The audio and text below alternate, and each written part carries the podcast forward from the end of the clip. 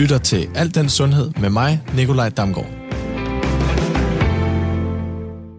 Så er det blevet mandag, og øh, også blevet den 23. december. Det betyder, at der er en dag til juleaften, men øh, det betyder også, at øh, vi er klar med endnu et program, Alt den Sundhed, her på Radio 4. Der er jo, så vidt jeg husker, cirka 800.000 mennesker, som lider af svær overvægt øh, i, øh, i Danmark, og øh, øh, det ser jo ikke ud som om, at tallet er for nedadgående, så det er et, øh, et øh, kæmpe problem. Jo både for den enkelte, øh, men jo også for samfundet det her, det var sundhedsordfører for Venstre, Martin Gertsen, og øh, han øh, benævner omkring det her med fedmeepidemien i øh, Danmark, og det er lige netop det, vi vores program skal handle om her i dag. For som Martin Gertsen lige fortalte, så er fedme et stort problem i Danmark. Overvægt er ved at blive en af vores tids største øh, samfundsmæssige og øh, sundhedsmæssige udfordringer. Alene i 2017 havde 51 procent af danskerne overvægt. Altså over halvdelen af befolkningen i Danmark. Men hvad er fedme egentlig, og hvordan får sænket antallet af overvægtige i Danmark, og er fedme egentlig en sygdom? Det er det, det skal handle om nu. Og som altid, så skal jeg heldigvis ikke stå og snakke selv. Jeg har med mig i studiet to gæster. Per Nielsen, du er ernæringsekspert, personlig træner og formand for Fedmeforeningen. Jens Lund, du er fedmeforsker ved KU og ved alt om det her. Så velkommen til jer to hyggeligt, I havde øh, lyst til at være med her den 23. december. Mange tak. Tak.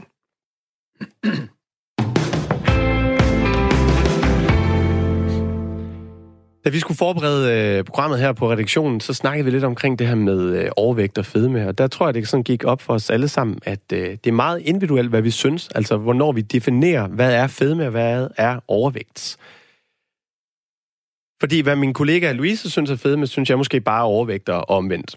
Jens Lund, jeg kunne godt tænke mig at starte over dig. Du er fedmeforsker. Kan man sige noget om, hvornår man er fed, og hvornår man er overvægtig? Ja, det kan man godt. Hvis du spørger en, øh, en øh, forsikringsmatematiker, så har de et redskab, der hedder øh, body mass index, eller kropsmasseindekset, BMI, øh, og det kan på befolkningsniveau øh, fortælle, øh, hvor mange overvægtige, eller hvor mange øh, mennesker med svær overvægt der er i en befolkning. Øh, men på det individuelle plan bliver det måske lidt mere svært at definere, hvornår man er overvægtig, og hvornår man er svær overvægtig eller fed. Øhm, men det har selvfølgelig noget at gøre med, hvor meget fedt man har på sin, kroppe, på sin krop. Øhm. Ja, fordi netop det her BMI, altså, øh, hvad hedder det, øhm, læge Jens Christian Holm, som er special i det her med fedme for Holbæk, han mener jo, at alle med et BMI over 30, de er overvægtige. Er det så simpelt at... Nej, det er det ikke. Nej. Hvad, hvad, hvad kunne alternativet være til at, at, at, at, at putte det i forskellige kategorier? Og definere det? Man kan sige, at mange af de sundhedsmæssige konsekvenser, der er ved at have meget fedt på kroppen, det, det handler faktisk ikke så meget om, hvor meget fedt man har øhm, som sådan. Det handler mere om, hvor det fedt det er placeret henne. Øhm, så man kan sagtens have meget fedt på sin krop, men samtidig være relativt sund. Omvendt kan man have forholdsvis lidt fedt på kroppen, men være ret usund. Øhm, så placering er i hvert fald på nogle punkter vigtigere, end, end, end hvor meget man har. Vi har snakket med Signel øh, Valgaard også, som er professor og medlem af det etiske råd, og hun mener, at det er meget problematisk, det her med at, at kigge kun på BMI, fordi det er netop som du siger, Jens, ikke beskriver noget om, hvor fedtet sidder. Øhm, og desuden så vejer muskler jo også mere end fedt, og alle de her forskellige ting. Øhm, så det er jo meget misvisende at gå ud fra det her BMI, men er der nogle andre ting, hvor du, altså er der nogle andre øh, matematiske udregninger, man kan bruge, eller nogle andre metoder? Altså, der er mange forskellige metoder. Nogle er bedre end andre. Øhm, man kan sikkert købe alt muligt på nettet øh, for at finde ud af det. Øhm, man kan stille sig op på diverse fancy øh, vægte, der kan give et indtryk af, øh, give en, en billede af, hvor meget fedt man har på sin krop. Øhm, men måske det letteste, det er enten at, at tage et, et målbånd rundt om, om livet og rundt om hoften og taljerne, øhm, og så kan man beregne sin, sin, sin hvad hedder det, hofte-taljeratio. Øhm, og det siger faktisk mere om ens sundhed, vil jeg påstå, end, end BMI'et gør. Øhm, fordi det indikerer noget omkring, hvor er fedtet er placeret henne. Så bare det at kigge sig selv i spejlet, øh, det fortæller faktisk øh, ret meget. Og jeg tror, at de fleste mennesker, de, ja, de går klar over, om de har lidt for meget øh, fedt siddende på sidebenene, øh, eller ej. Kan du, man, Ja, og det synes jeg jo var, da vi sad og snakkede her inde programmet, altså det er, jo, det er jo så meget basalt. Kig dig selv i spejlet. Men det fortæller jo ret godt om, hvor, hvordan det er placeret. Det fortæller i hvert fald noget om, hvor det fedt, man har under huden, hvor meget man har af det. Fordi det, man ikke kan se i spejlet, det er det fedt, der ligger inde mellem organerne. Øhm, og det, det fedt, som der medfører mange af de sundhedsmæssige øh, problemer, som der er ved, ved overvægt. Og den her hofte, eller hvad, hoftetalje... Talje hofteratio, talje, tror jeg, ja, ja. Kan, kan du fortælle noget mere om den? Altså, hvordan... Så den kan man slå op på nettet, hvordan ja. man beregner den. Det handler noget om at, at måle omkredsen øh, ved, ens, øh, ved hoftekammen øh, og, og ved taljen, og så kan man så er der nogle tabeller, der fortæller en, øh, hvornår man har en normal eller en forhøjet eller for lav øh, talje-hofteratio. Øh, og den er også, øh, der er tal for kvinderne øh, og tal for mændene, fordi de selvfølgelig er, er køns forskellige øh, på grund af kønnene. Og Per, den kunne jeg godt lige tænke mig at kaste over til dig. Når altså, du arbejder som personlig træner, hvordan øh, måler du fedtprocenten på dem, du arbejder med? Eller? Ja, øh, det gør jeg, øh, men jeg, jeg kører lidt øh, ned ad samme øh, sti, som, øh, som det Jens øh, nævner. Fordi at øh, der er jo selvfølgelig også et, et billede af ude i den brede befolkning, det der med, at vi vil gerne tage os godt ud, vi vil gerne se godt ud. Og, og, og den er jeg egentlig lidt ligeglad med, fordi øh, når man kommer til, til mig, så er jeg interesseret i, at man skal være så, så sund og rest som overhovedet muligt. Øh, og øh, derfor gør jeg meget ud af også at, at bruge målbåndet i forhold til at se, jamen, hvordan er det ens øh, for eksempel taljeomkreds, den, øh, den tager sig ud. Og det synes jeg er, er langt mere vigtigt i forhold til, øh, hvad fedtprocenten siger på forskellige steder rundt om kroppen. Der findes jo også nogen, der måler armene. Men hvis man kigger sådan på det i forhold til sundheden, så, så er det jo det fedt, der er omkring de indre organer, vi skal være opmærksom på. Og det er det, som jeg synes skal have, have fokus, øh, og så ikke øh, alt det andet. Det ved jeg godt, det har. Øh, og det er jo måske lidt mere også, hvis man kigger ind i, i fitnessindustrien i forhold til, hvordan det er, vi skal, skal tage os ud. Men det handler i hvert fald for mit vedkommende om, at vi skal være sunde og raske. Men det her indre fedt, det er jo ikke noget, man bare lige kan se, vel Jens?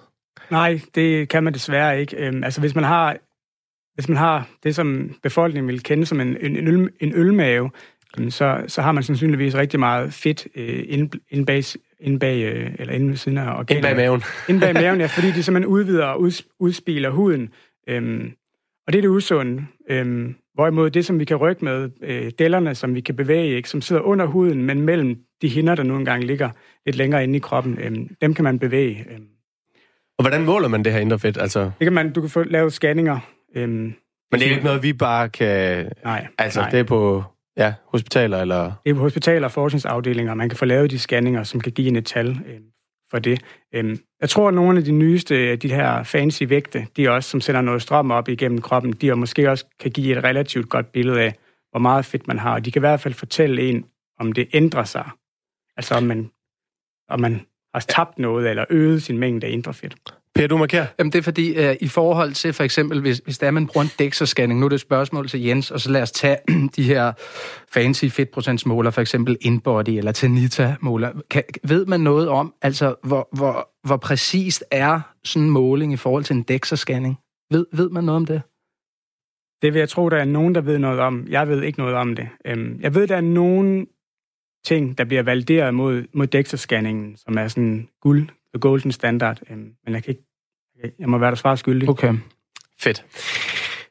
Vi skal jo snakke om det her fedme, og hvad skyldes det egentlig? Altså mange har jo en fordom om, at det er dårlige kostvaner og inaktivitet, øh, og måske folks helt egen ansvar og skyld. Jens Lund, du har jo forsket i det her med fedme, og vi lever jo i dag i et øh, fedmefremmende samfund, men kun nogen er overvægtige eller fede. Hvordan kan det være? Det er et godt spørgsmål. øhm, det besynderlige er jo, at den vestlige verden er ekstremt fedmefremmende. Øhm, men på trods af, at den er det, så er det kun to tredjedele af den vestlige befolkning, der har overvægt eller svær overvægt. Der er altså en tredjedel, hvis vi ser på global plan, som der formår at forblive slanke. Øhm, og det er langt hen ad vejen et mysterie, hvorfor de ikke også bliver tykke. Øhm, man har tilbage i 80'erne, 70'erne og 90'erne lavet nogle genetiske undersøgelser, så man kan lave øh, studier af søskende, man kan lave familiestudier, du kan lave tvillingestudier, øh, og endnu bedre kan man lave undersøgelser af enæggede tvillinger, som er blevet separeret efter fødslen. Det er sådan nogle øh, register, har de i Sverige. Og når man laver de her studier, så viser det ret tydeligt, at der er en væsentlig arvelig komponent i, øhm, i fedmeproblematikken. Så nogle, øh, nogle mennesker har altså, øh, er disponeret for at blive overvægtige, mens andre ikke er det. Øhm, og hvis man skal, skal sætte op med nogle procenttal, jamen, så, så omkring 70 procent af variationen i en befolknings kropsvægt, den kan tilskrives genetiske faktorer. Og de resterende, hvad, 40-30 procent, kan så tilskrives noget andet, øh, nogle miljømæssige faktorer. Øhm, hvis man sammenligner med højden, vores kropshøjde, så genetikken kan, øh, kan forklare omkring 80 procent af den variation i vores højde. Øhm, og der er jo ikke nogen ude i samfundet, der vil påstå, at vi selv er herre over, hvor høje vi er. Øhm, det er altså genetikken, der spiller en, en ret væsentlig rolle her, og det er ekstremt vigtigt at forstå, øhm, hvis vi vil forstå, hvorfor der er nogen, der er tykke og nogen, der er tynde. Men vi vil, altså den her fedmeepidemi, som man snakker om, øh, den er vel også, altså jeg ved, du snakker lidt om, at den er, den er kommet til sådan to bølger, fordi hvis man kigger bare 100 år tilbage, så, så var det jo langt færre, der var overvægtige og, og i kategorien fedme, ikke sandt? Jo, så vi kan faktisk gå helt tilbage til stenalderen, hvis jeg må, hvis jeg må gøre det. Ja, ja, øhm, selvfølgelig. Der, så man, øhm, i Europa har man, har man fundet sådan nogle øh, øh hvad hedder det, stenfigurer, som illustrerer nogle buttede kvinder. Øhm, og det er helt tilbage, de er mere end 25.000 år gamle, og det indikerer, at der til altid, så længe der har været tilstrækkeligt mange kalorier i vores verden, så har der været personer, der har været overvægtige. Så de her, de her gener, som er nødvendige for, at nogle mennesker bliver overvægtige, de har sandsynligvis været til stede i langt størstedelen af, af, af menneskehedens historie. Øhm, I Danmark, der, eller på global plan, der opstår øh, fedmeepidemien i 70'erne.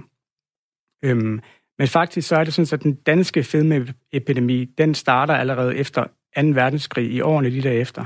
Det er noget forskning, der er lavet af, af den danske læge og fedmeforsker Torkild Sørensen. Øhm, og han har undersøgt øhm, 18-årige danske mænd fra de danske sessioner. Øhm, og der kan han simpelthen se, at fedmeepidemien i Danmark startede lige efter 2. verdenskrig, men den kommer i to bølger. Øh, den kommer der efter 2. verdenskrig, og så flader det ud igen, så kommer den igen cirka 20 år senere øh, under den kolde krig. Og det, at den starter efter 2. verdenskrig, det fortæller os ret klart, at, øh, at det, der eller det gør det ikke, men det indikerer, at det, der har udløst epidemien, det kan ikke være det fedmefremmende samfund. Det fedmefremmende samfund har forværret problemet øh, til nogle helt nye højder, øh, men måske er det faktisk noget andet, der har udløst øh, vores fedmeepidemi. Og hvad, hvad, der er en masse spekulationer. Øhm, og Bare der er, nogle af dem, ikke? Der er, ikke nogen, der er ikke nogen, der ved det. Men måske, hvis du spørger Torkel Sørensen, så vil han sige, at det har måske har noget at gøre med stress. Stress hos den gravide mor, stress hos faren. Det er måske ikke tilfældigt, at vi ser epidemien lige efter 2. verdenskrig. Mm. Øhm, det, at der har været hungersnød under krigen, eller delvist hungersnød i Danmark, øhm, i de perioder, rationering og så videre, kan måske også øh, gøre det. Det er måske noget med epigenetik, som handler om, hvordan vores miljø øh, påvirker vores gener. Og som jeg det lyder på dig, så er det ikke et gen, der ligesom øh, der afgør, om man er i, i kategorien for det her. Det er flere gener. Ja, så der er, der er hvis du ser på befolkningsniveau, øhm, så, så langt de fleste mennesker, som er, som er overvægtige, øhm, de har en, de har en, en lang række gener, øhm, som gør, at de er, er disponeret, disponeret for, for at udvikle overvægt. Men der er også nogle, nogle få mennesker, som har deciderede genetiske syndromer i nogle helt specifikke gener, der styrer ens appetit. Øhm, og de mennesker, de bliver ekstremt overvægtige meget tidligt i livet. Øhm, og dem, de mennesker kan man også ret effektivt behandle øhm, og gøre dem normalvægtige igen, fordi at man kan give dem de stoffer, øh, som, som skal bruges i deres appetitregulering. Dem kan man simpelthen injicere i dem, så de så deres appetit normaliseres. Inden vi lige springer videre til det næste, sådan helt basalt, kan man teste, om, øh, om man har de gener? Øh, det kan man godt, så det humane genom det er blevet sekventeret og kortlagt. Øhm, men de test, man kan købe på nettet, de er, de er vist er så dårlig kvalitet, at det ikke rigtig fortæller øh, en så meget. Øhm, der er nogle enkelte gener, som, har, som, som gør, at man, hvis man har, hvis man har de her, øh, hvis man har de gener, så vejer man måske 3 kilo mere end, end andre i befolkningen. Øh. Men, men det at test for det, det, jeg ved ikke, hvor meget det fortæller en på nuværende tidspunkt. Yes, du lytter til Alt den Sundhed her på Radio 4 med mig, Nikolaj Damgaard, og hvis du lige er hoppet med ombord, så øh, snakker vi i dag, den 23. december, lille juleaftens øh, dag, omkring fedme. Og øh, det næste, vi skal til at tage fat i her, det er, om, øh, om vi skal se fedme som en sygdom. Og det kunne jeg faktisk godt tænke mig at spørge. Ja, nej. Jens, hvad tænker du? Ja og oh, nej. Jeg ved det ikke. per? Jamen, jeg er lidt kedelig. Jeg bliver nødt til at sige det. Altså, det, det, altså det, det er meget komplekst, det her. Så jeg har svært ved at sige ja eller, eller nej. Øh, det er nok et eller andet, der svæver midt imellem. Øh, og så kan vi jo finde ud af, om det er pilen til den ene eller den anden side. Vi har spurgt øh, uh, Signil uh, øh, Valgårda, uh, øh, og jeg synes, hun har en rigtig vigtig pointe, når vi netop diskuterer det her med, om fedme skal være en uh, sygdom. Prøv lidt med her. En risiko, det er, at man, hvis man tilhører en risikogruppe, og det er den, man taler om, så kan man sige, at alle dem, der er uh, meget tykke, blandt dem er der flere, der vil få diabetes, og flere, der vil få hjertekarsygdomme, end blandt dem, der er tyndere selvom det selvfølgelig også nogen i den anden gruppe, der vil få hjertekarsygdom og diabetes. Og på samme måde med rygning. Hvis man ryger meget, så er der stor risiko for, at man kan få kol, altså kronisk obstruktiv lungesygdom eller lungekræft, men man, man får det ikke nødvendigvis. Så det, det, det er noget, man har større risiko for at få noget, men det er ikke det samme som, at man har en sygdom. Og bare lige så vi har det på plads, så er Signal Valgaard er professor og øh, medlem af det etiske råd. Så hun siger her, at fedme er altså en øget risiko, men det er ikke lige med sygdom. Præcis som vi ser rygning. Jens, er du enig i det? Ja, det, det er jeg, fordi svær overvægt det er en risikofaktor for en lang række sygdomme. Øhm, og så er det, sådan som jeg forstår det, et spørgsmål om, hvordan man definerer en sygdom. Øhm, det, altså det er ens definition af sygdom, sygdom som, gør, som afgør, om, om fedme skal kategoriseres som sygdom eller ej. Øhm, jeg tror, bottom line er, at det er et ekstremt øh, stort problem, som den første politiker, der var inde og, øh, og sagde. Øh, og det er måske det vigtigste. Per, hvad mener du? Som sagt, så, så er det meget komplekst. Øh, jeg tror, vi skal også, når vi sådan kigger på, ligesom vi startede med, hvis, altså lige nu, så er det jo BMI-begrebet, man, man bruger til at, at definere, om man er overvægtig eller svært overvægtig.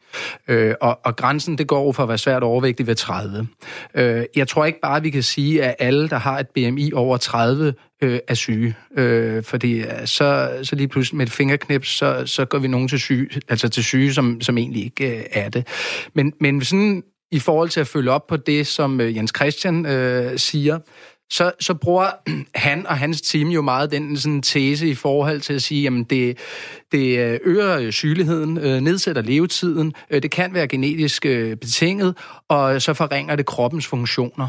Og den, den sådan køber jeg mig lidt ind på, men om det gælder for alle, altså det, det er jeg ikke klog nok til at, til at sige, om, om det er. Men vi kan bare sige, at der er en øget risiko, jo større, eller højere og højere, hvis det er, vi bruger BMI, at det stiger. Så kan vi bare se, at risikoen bare stiger og stiger og stiger, i forhold til alle mulige komplikationer, der er inden for at være svært overvægtig.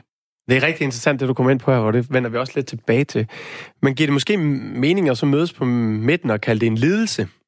Jens? Ja, det vil jeg mene, øh, fordi det er forbundet med mange former for lidelse. Øh, være overvægtig, eller være svær overvægtig. Øhm, så der er selvfølgelig de sundhedsmæssige komplikationer, øhm, men jeg tror for den enkelte, det kan være, øh, Per også skal komme ind på det, at for den enkelte er det måske ikke så meget de sundhedsproblemer, der ligger ude i fremtiden. Øhm, her og nu, der er det stigmatisering fra, fra, vor, fra samfundet, fra venner, familie, fra kollegaer, øh, fra det sundhedsvæsen, der egentlig burde hjælpe de her mennesker. Øhm. Så ja, en lidelse er meget rammende. Og det, det er helt rigtigt. Og, og et er, det er jo, som vi siger, den øgede sygdomsrisiko, men den stigmatisering, der følger med, ikke ofte, men den følger med, øh, den øh, rammer øh, hårdere, end nogen som helst øh, overhovedet kan sætte sig ind i for den person, der bliver udsat for det. Og det, det kan være grimt. Mega interessant. Vi har spurgt uh, Signil Valgård igen, som jo er professor på, i sundhed på KU, og så er hun også med i det her etiske råd. Og hun ser nemlig et øh, ret reelt problem i at se fedme som en sygdom. Hvorfor kan I lige høre med her? Fordi man kommer til at sygeliggøre nogle mennesker, som slet ikke er, øh, er syge. Altså man kan jo sagtens være helt sund, øh, ikke have nogen stofskifteproblemer, ingenting, selvom man har en BMI på 35. Så det, øh, og man har en større risiko for at få sygdomme, men man er jo ikke syg. Og derfor skal man ikke gøre folk syge. Og det er nogen, der siger, at det er det mindre stigmatiserende at være fed, at man, øh, eller tyk, hvis det bliver øh, gjort til en sygdom.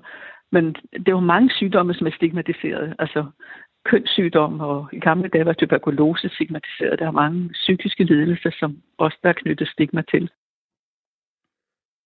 Så det var faktisk noget af det, du øh, er ind, altså var inde på her. Øhm, det her med, at vi kan sagtens have et BMI på 35 og stadigvæk være raske. Er det noget, du oplever også, både med dine klienter og dit arbejde igennem Fedmeforeningen? At vi gør nogen syge, som ikke er syge? Øhm, det kan ske. Øh, det interessante i det her, det er, og det kan være, at Jens kan, kan fortælle mere om det, altså at have fedt på kroppen er jo egentlig i nogen henseende, eller det er øh, egentlig godt i forhold til, lad os sige, at vi bliver placeret ud på en øde ø. Det interessante, synes jeg, det er, hvornår er det fedtmassen går for at være god til lige pludselig at kunne tåle, at den øh, for eksempel bliver udvidet, og så lige pludselig, at den begynder at sende nogle signaler ud, der gør, at vi bliver syge. For eksempel at få type 2-diabetes, eller lige pludselig at, at, at ens vægt stiger og stiger, så man for eksempel får, får slidgæng. Men sådan, for eksempel, det der er interessant, det er hormonsygdommene. Og det, det, det, det kan man jo ikke videre sige, okay, nu øh, har du et BMI på 36, så, så sker det. Det ved man ikke.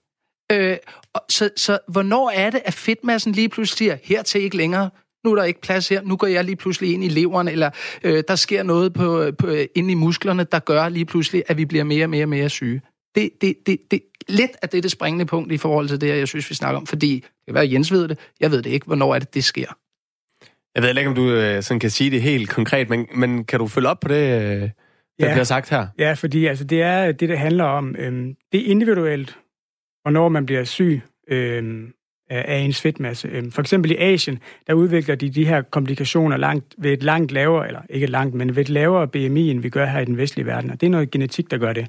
Der er en teori, øhm, som siger, at det er faktisk, det er faktisk øh, fedtvævets evne til at udvide sig. Det, det fedt, vi har under huden, altså vores stellerdeller, øhm, det, er den, det er deres evne til at udvide sig, der gør, at nogle mennesker er beskyttet for de her øh, følgesygdomme. Øhm, så jo bedre man er til at udvide sit underhusfedt, øhm, jo bedre er man også til at deponere de overskudskalorier, man spiser, i det sikre fedtdepot. Så de, de fedtceller, der er under huden, de er designet til at ophobe fedt. Det er deres primære funktion. Så længe fedtet er inde i de celler, så er det sikkert. Problemet er, hvis man bliver ved med at overspise, og man øh, hele tiden man ligger i kalorier, kalorieoverskud, og der ikke længere er plads til mere fedt end i underhuden, så er kalorier nødt til at blive sendt andre steder hen, som Per siger, ind i leveren, ind i vores bugspytkirtel, øh, i hjertevævet, ind mellem vores organer øh, osv. Og så opstår der en masse øh, stofskiftemæssige øh, problemer. Sukkersyge, hjertekarsygdom. Ja, mega interessant, selvom det øh, heller ikke lyder så godt. Jeg kunne godt tænke mig at vide, kan du, hvad er det, der sker, når vi taber os? Altså, hvad er det sådan helt biokemisk, der sker? Bliver fedtcellerne mindre, eller får vi mindre fedtceller, eller hvad? Ja, så når vi taber os, så bliver fedtcellerne mindre, primært. Øhm, og det, der sker, det er, at man, det fedt, der er inde i, de fedtmolekyler, som ligger inde i, i fedtcellerne, øh, de bliver forbrændt. Øhm, og i praksis, så betyder det, at de, lad os sige, tager man så 5 kilo fedt, de 5 kilo fedt, de forsvinder øhm, gennem den CO2, vi udånder, øhm, og det vand, som vi, vi tisser ud, eller, eller som også bliver udåndet. Øhm, så det fedtet forsvinder som, som kuldioxid og vandmolekyler. Men, men bliver, altså, går, de her, går de her fedtceller til opløsning, eller bliver de bare mindre? De bliver primært mindre, så fedtceller de kan godt forsvinde, og der bliver, kan også godt blive dannet nye fedtceller, og det sker faktisk hele tiden i vores krop. Øhm, vi har dog et sådan nogenlunde konstant antal, totalt antal fedtceller i løbet af livet, øhm, men der sker ret meget øh, under det konstante tal. Øhm. Og hvor, øh, hvordan, når man så taber sig, hvordan, øh, hvorhen taber man sig? Hvordan, hvordan defineres det? Det er nok også, der kan jeg ikke øh, referere til noget specifik forskning, men jeg tror, det er også individuelt, om man har tendens til at tabe sig øh, primært fra de, fra de indre depoter eller fra underhuden. Øh. Men noget af det sådan helt generelt, det der sker, når man taber sig til at starte med, det er, at det fedt, der ligger mellem organerne, det er noget, der, der forsvinder først. Øh. Per, jeg godt tænke mig at lige kaste den over til dig igen. Vi snakker omkring det her med at kalde fedme en sygdom og sådan noget. Hvad, hvordan vil din, dem du arbejder med, øh, reagere, hvis, øh, hvis du sagde til dem, du er overvægtig, og dermed er du syg? Altså vil det hjælpe dem, eller vil det... Jeg vil nok aldrig lige sige det på den måde. Nej, men, men, men du, ved, du ved, hvad jeg mener. Ja, øh, jamen igen, det tror jeg er meget individuelt. Øh, for nogen, de vil sige øh, vel er ej. Øh, for andre kunne det måske også godt være, at man øh, fik måske en forståelse af at tænke, jamen okay, så er der måske andre ting, der spiller ind i forhold til det, jeg altid har fået med med, at måske jeg bare spiser for meget mad, og jeg rører mig bare for lidt. For det er jo det, vi, vi, vi hører ud i det er fordommene. Ikke? Det er fordommene ja. i, i det. Så der er en for, måske en, en, en forklaring på, jamen, hvorfor er det, jeg gør, som jeg gør. Og der kan der jo være rigtig mange årsager til. Blandt andet for eksempel, hvis det er, at man ikke har opdaget noget, for eksempel med sin uh, genetik. Men uh, vil der være nogle fordele, tænker du, i, i nogle af de klienter, du har ved at kalde jamen, det, en sygdom? Det, jamen, det, det, det er forståelsen uh, i forhold til, måske, altså, jeg ved godt, at man kan sige, jamen, for eksempel det der med, at jamen, er det en sygdom, vil man så fjerne stigmatiseringen? Det, det, det ved vi jo ikke, for det er ikke blevet det endnu. Øh, så det kan man egentlig ikke sige. Øh, men jeg, jeg tror og jeg håber på, at man for det, det enkelte individ kan måske tage noget af skuldrene i forhold til den skyld og skam, de har gået rundt med, så de får en, en forståelse for, at der er andre ting, der, der gør, at jeg har gjort, som jeg har gjort. Og det kan fjerne noget af, af, af, af, af den sådan, hvad skal vi sige, stigma, byrde, der er, fuldt, byrde, ja, der er fuldt, fuldt med den person. Jens, det tror jeg på. Jens Dummerkær? Ja, det er for at følge op på det her med stigmaet. Øhm, jeg, jeg, jeg tror ikke, at, at det at kalde en sygdom, det vil, det vil gøre noget godt for, for stigmaet. Øhm, det, som undersøgelserne viser, det er, at den her, den her stigmatisering, eller øh, stigmatisering af de overvægtige, det er noget, vi har med fra barndommen. Det, er, det, det opstår ekstremt tidligt i livet. Så der er lavet nogle undersøgelser, hvor man simpelthen bare spørger små børn, hvem de helst vil lege med, så viser dem billeder af fysisk handicappede, mentalt handicappede, øhm, og, og så mennesker med svær overvægt. Øhm, og allerede der kan man se, at børnene de på en eller anden måde blev programmeret til at, at have en forståelse af, at øhm, overvægtige mennesker, de er, dem har man ikke lyst til at lege med. Øhm, og det er, ja, hvis der sidder nogen, der mangler et kandidatspeciale, så dyk ned i det her emne og find ud af, hvor, hvor kommer den stigma fra. Øhm, men børnene bliver også præsenteret for, for, for fordommene øhm, og stereotyperne i deres børnetv. Øhm, og måske er deres forældre, fordi forældrene også har fået det tidligt i livet. Øhm, så det er, det er på samfundsniveau, der skal gøres noget drastisk, øhm, og folk skal ja, prøve at forstå, hvor deres indre, deres indre fordomme kommer fra. Per, du sidder med kære. Ja, og det er fordi, at, at det er rigtig interessant, det Jens siger. Øh, og, og i den henseende, når man så kigger på de børn, så er der også lavet nogle undersøgelser i forhold til, hvordan egentlig deres livskvalitet er. Og der har man fundet ud af, at deres livskvalitet, den er egentlig på stadie med børn, der også er i kraftbehandling. Så man kan jo se, at, at, at når man er barn, og hvis det er, at man har svær overvægt, jamen, det er jo ikke noget, man bare vælger at være. Fordi man kan jo se, hvis der er ens livskvalitet er ligesom øh, børn, der er i kraftbehandling, så har man det ikke særlig godt.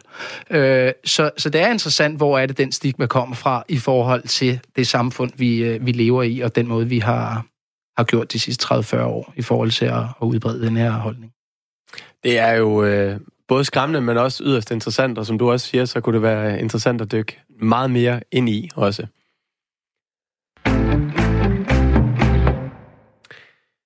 Jeg tror godt, vi kan være enige om, at fedme er et sundhedsproblem, og øh, vi har måske endda en øh, decideret fedmeepidemi øh, i Danmark, og ifølge WHO, så mener man også, at øh, det måske faktisk er i hele i, øh, i Europa.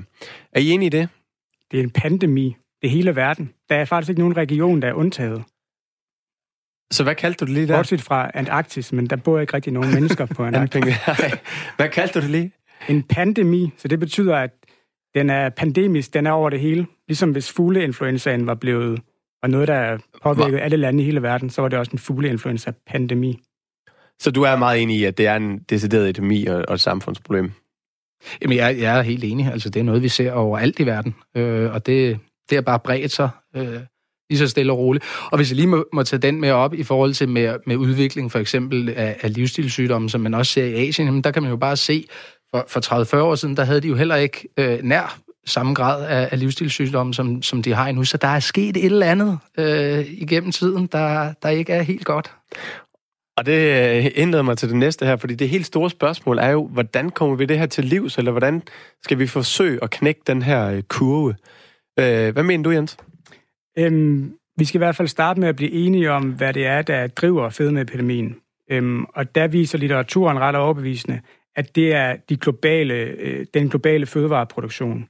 Det er den måde, som de liberale markedskræfter har opfostret nogle, øh, nogle, nogle store globale firmaer øh, og deres måde at producere mad på og distribuere den øh, og markedsføre den, som, gør, som sandsynligvis øh, er den primære grund til, at vi har det problem, vi har. Og hvad gør vi for at knække den så? Altså, hvad, vi kan jo ikke bare lukke ned for de firmaer i dag, tænker jeg. Nej. øhm... Selvom det måske vil være det rigtige, men altså, hvad, hvad tænker, har du gjort dig nogle overvejelser om, hvad vi kan gøre med de, hvad skal man sige, det, altså det er, jo, det er jo bare et fakta, at sådan er det i dag. Så, så hvad tænker du, vi kan gøre for at knække kurven? Jeg synes, det, det interessante er, at fedmeproblematikken, den udspringer af samme problem som klimakrisen. Øhm, det er et overflods, vi lever i et overflodssamfund og et forbrugssamfund, og det samfund, det er man nødt til at ændre drastisk, hvis man vil de her to problemer øh, til livs. Og det er et politisk spørgsmål. Og det er et politisk spørgsmål, øhm, eller det er et, det, er et, det er et, et politisk spørgsmål, som vi som, som borgere kan, kan presse på for at få sat øverst på den politiske øh, dagsorden. Og Per, jeg kan også godt tænke mig lige at spørge dig. Hvad tænker du, der skal til for, at... Øh, det er jo ikke bare at spise mindre og træne mere. Jamen, det, det, det, altså, vores politikere her må, øh, som altså de folkevalgte må indse, de har en kæmpe stor rolle der. Og det, det er dem, der kan gøre nogle ting i forhold til, hvordan vi kan ændre, for eksempel hvis det er, at man snakker øh, øget moms på visse typer, typer fødevarer. Øhm, men indtil det sker, øh, så øh, er der jo også gode kræfter øh, rundt om i, i landet, der prøver at, at påvirke og, og prøver at, at skabe noget debat i forhold til det her fedmefremmende samfund. Og det, det er godt, og, og det er også den vej, vi skal. Men politikerne må bare indse, at det, det, der skal snart til at ske noget, øh, så de ikke bare sidder på, øh, på hænderne. Og vi vender lidt tilbage til de der kære politikere lidt senere. Vi har også øh, spurgt Signal Valgårder igen, som øh, har et bud på, hvad det er, øh, hun mener, vi i fremtiden kan gøre for at forbedre det. Altså mit gæt, altså der er ikke vildt meget god forskning, der kan belægge, hvad der skal gøres, men jeg tror, hvis man kunne gøre det, gøre det sværere at få adgang til mad, hvis man kunne gøre det sværere at få adgang til store sodavandsflasker, som øh, man bare kan skrue låget på, så man kan, de kan holde i evighed, hvis man kan gøre det ikke sælge mad over det hele, hele tiden, så vil det sikkert have en rigtig god effekt. Men det ville jo være også et ret stort indgreb, så jeg tvivler på, at der er politisk vilje til at gøre det. Hun snakker også lidt om den her øh, politiske vilje, og er det simpelthen bare et samfund, der har udviklet sig til en kæmpe ulempe for os, Jens? Ja, det tror jeg, det er. Øhm, så, så man i løbet af, af det 20. århundrede, der, der sker der fra starten af 1900-tallet og frem til ca. 1960, der sker der et fald i vores fysiske aktivitetsniveau. Øhm, vi får mere øh, maskinelt arbejde i både vores arbejds- og vores fritidsliv. Øhm, men, men kropsvægten, den stiger ikke, bare fordi vi bliver mindre fysisk aktive, fordi appetitten falder samtidig med.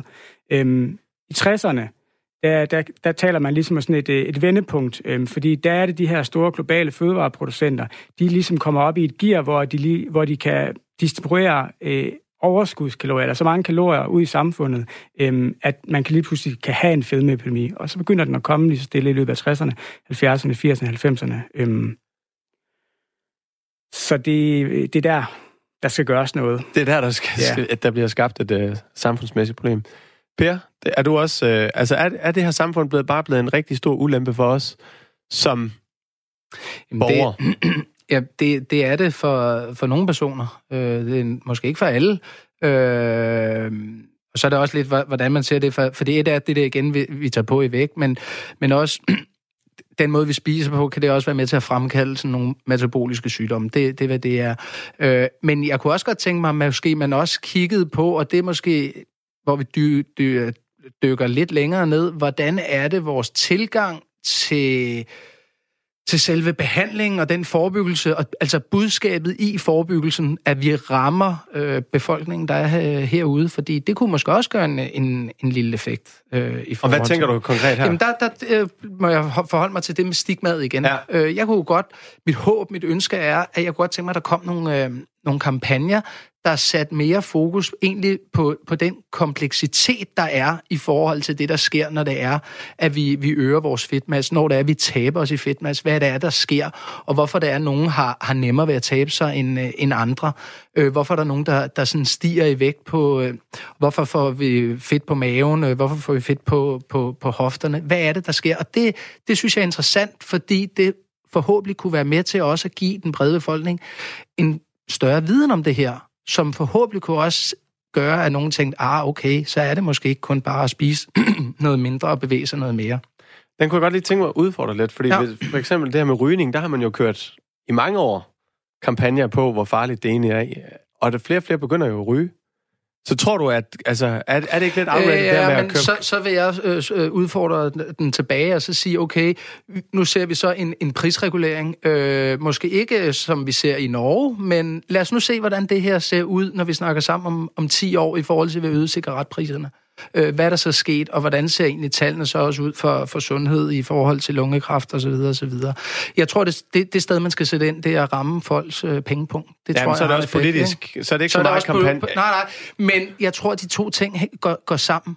Øh, fordi et er, hvordan det er, at vi, vi kan, kan bremse det, men det er folks måde at se det på, vi også skal tænke. Og det er derfor, jeg nævner det med, med stigmaet. Jeg vil så lige må, ja. må følge op ja, på, det med, på det med stigma, for det er faktisk øh, et af de vigtigste emner i dag. Øhm, dem, som stigmatiserer, og det er os alle sammen i, i forskellige grader, der gør det, øhm, de har en idé om, at det at stigmatisere de svært overvægtige, det giver dem en incitament til at tabe sig. Øhm, men det er faktisk ikke sådan, det hænger sammen. Altså det, det at opleve stigmaet, det forværrer faktisk problemet hos den enkelte. Øhm, så, så det er en medvirkende faktor til, at, at folk øhm, tager endnu mere på i vægt.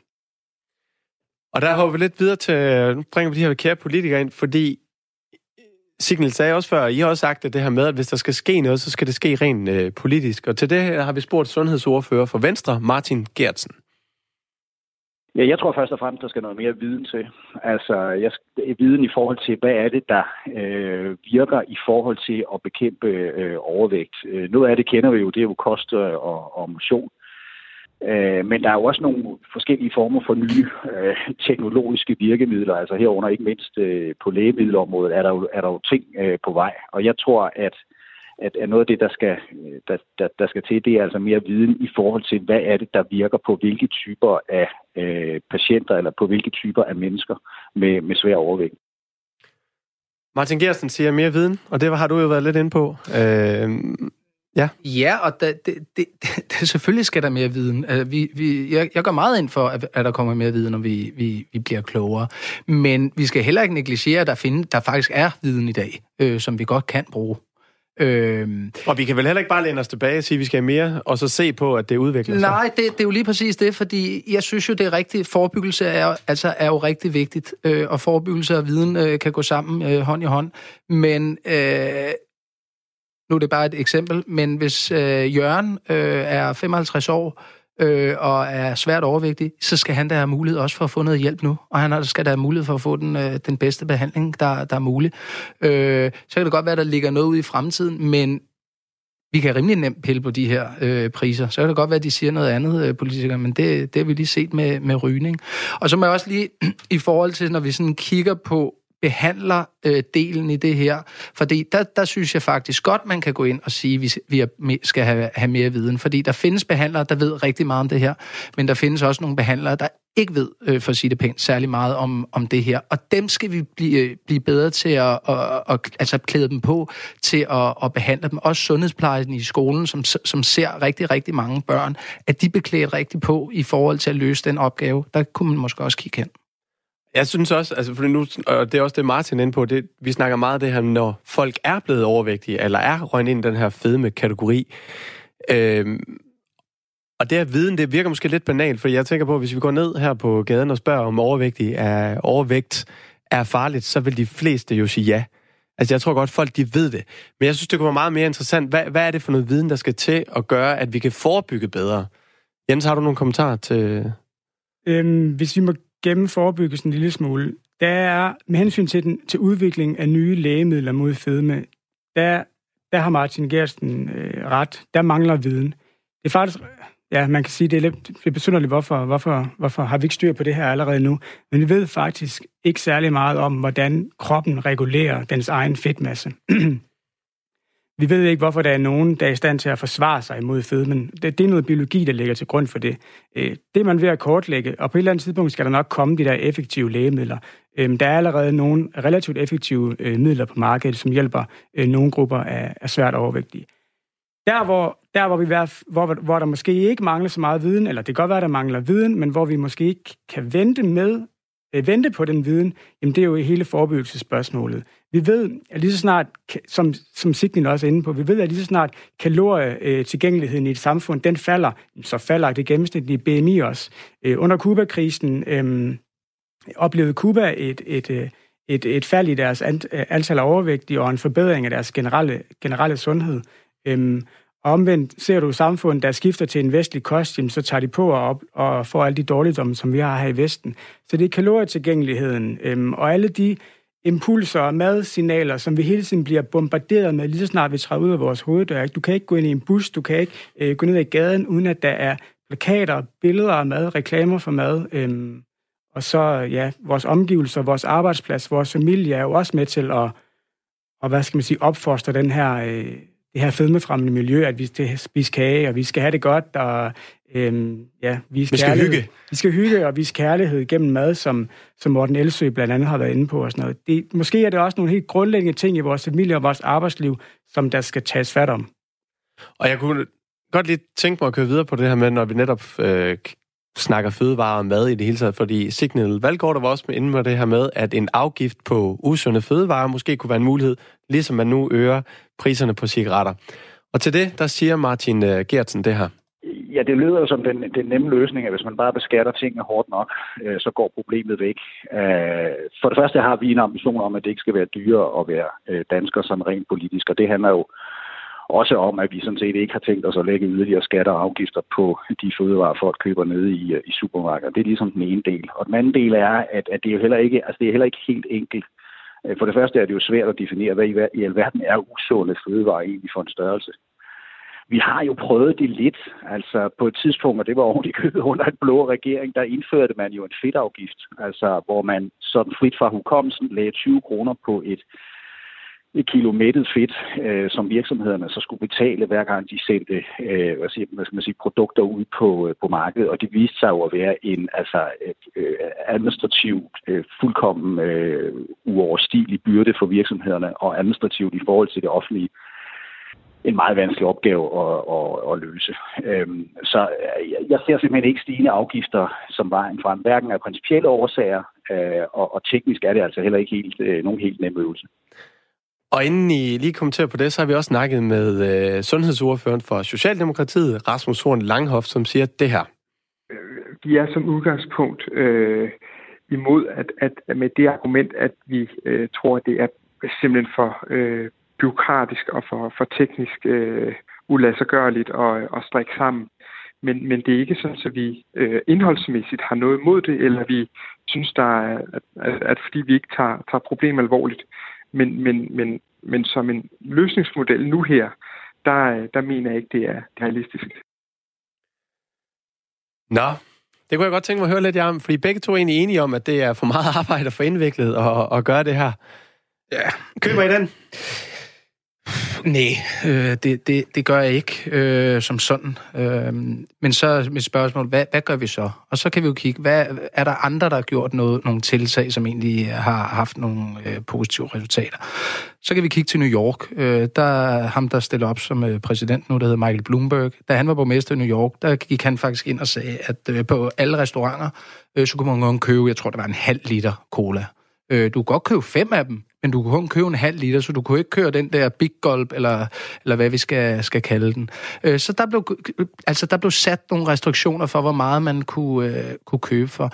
Man kunne også kigge på et, et område inden for det, der hedder notching. Hvordan er det, vi, vi kan måske få forbrugeren, når man går ind i et supermarked, til at blive notchet hen imod øh, for eksempel frugt- og grøntafdeling? Øh, skal vi stille øh, eller have nogle regler for, hvordan er det, vi indretter vores butikker, for eksempel med, med sodavand, øh, slik, chips osv. osv. Øh, altså der, der synes jeg jo, det ville være på, på sin plads, at, at det blev bragt ned i kælderen, øh, hvor der var mørkt, for eksempel, øh, for sjov, ikke? Men, men man skal gøre det sværere. Man skal have et sværere valg, og så Måske skal vi også kigge på, jamen, hvordan er det, vi reklamerer for det her? Skal der være mulighed for, at man reklamerer i tv? Altså i min verden hænger det ikke sammen med, at for eksempel nu kommer der snart OL. Er det Cola eller McDonald's, der skal være sponsor for det? Øh, jeg ved det ikke, men det, det synes jeg ikke. Så, og det der med øh, køb to, betal for en, altså er de sådan nogle ting, ting. vi skal kigge Ja. på, synes jeg. Jens Lund, du sidder også og nikker. Køber du den, vores Jamen, to jeg- kære politikere, Øh, hvis vi lige skal holde os til den Nej, først? dem, dem køber jeg nok ikke, men jeg er enig i det, som Per han siger. Altså, der, der skal noget regulering til, øh, både på markedsføringsfronten, men også på tilgængelighedsfronten.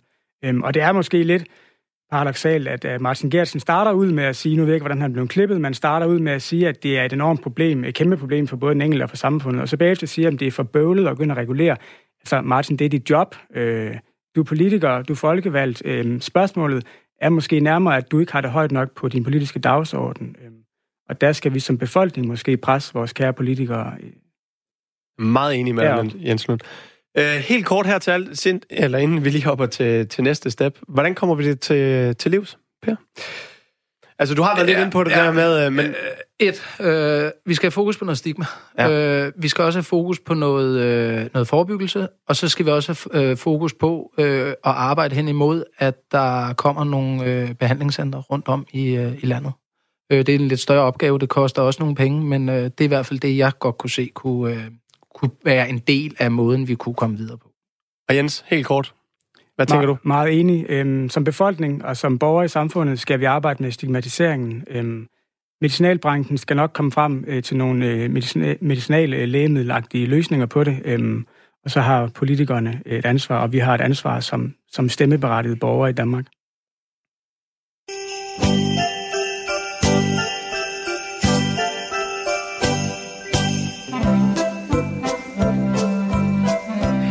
Nu skal der altså øh, jules lidt, fordi øh, det er jo den 23. december og lille juleaften. Øh, hvad I ikke kan se, det er, at vi sidder med nisseure på her i studiet. Nej, det gør vi ikke.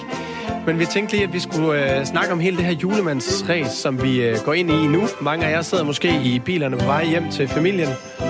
Og øh, det går jo løs de mange næste par dage, og øh, der skal vi sidde ned, og nogen vil mene, at vi skal spise os øh, halvt ihjel. Men hvordan kommer vi igennem juledagene på den mest hensigtsmæssige måde?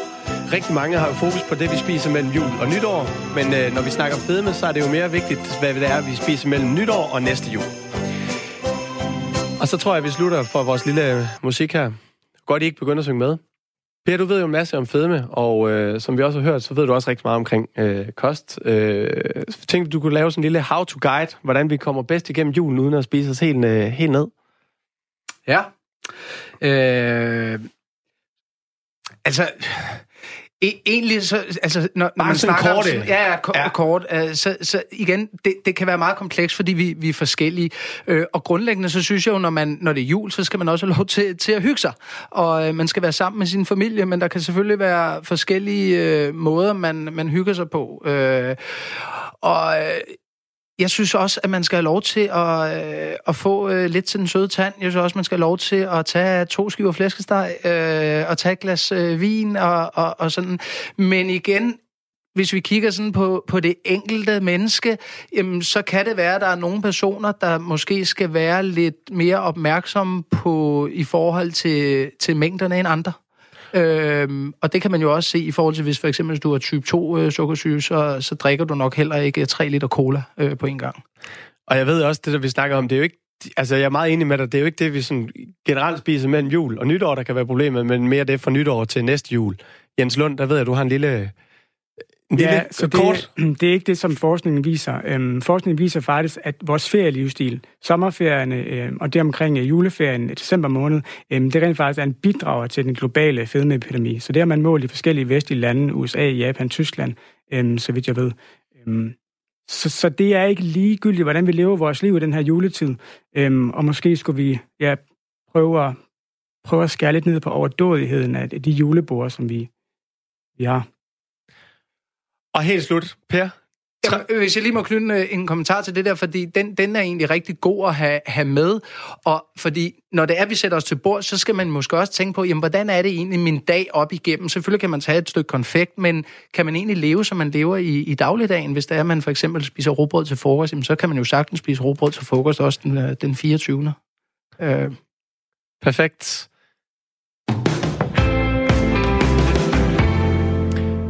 Og Per, aller, aller sidst. Tre gode råd. Du har 30 sekunder. Øh, et, øh, juleaften, hvis det er, at øh, man øh, sidder rundt om bordet, øh, og øh, man vil undgå at spise for meget, så øh, vent 20 minutter på, øh, på du tager anden portion. Øh, dagen efter, øh, gå en tur, øh, få noget frisk luft, øh, være sammen med familie og venner. Socialt liv, det er, det er vigtigt. Det er meget vigtigt, ja. Øh, og så, øh, hvis det er, at du kommer til at træde øh, ved siden af, så øh, lad være med at, at dunke dig selv øh, op i hovedet. Øh, vi overlever nok. Perfekt.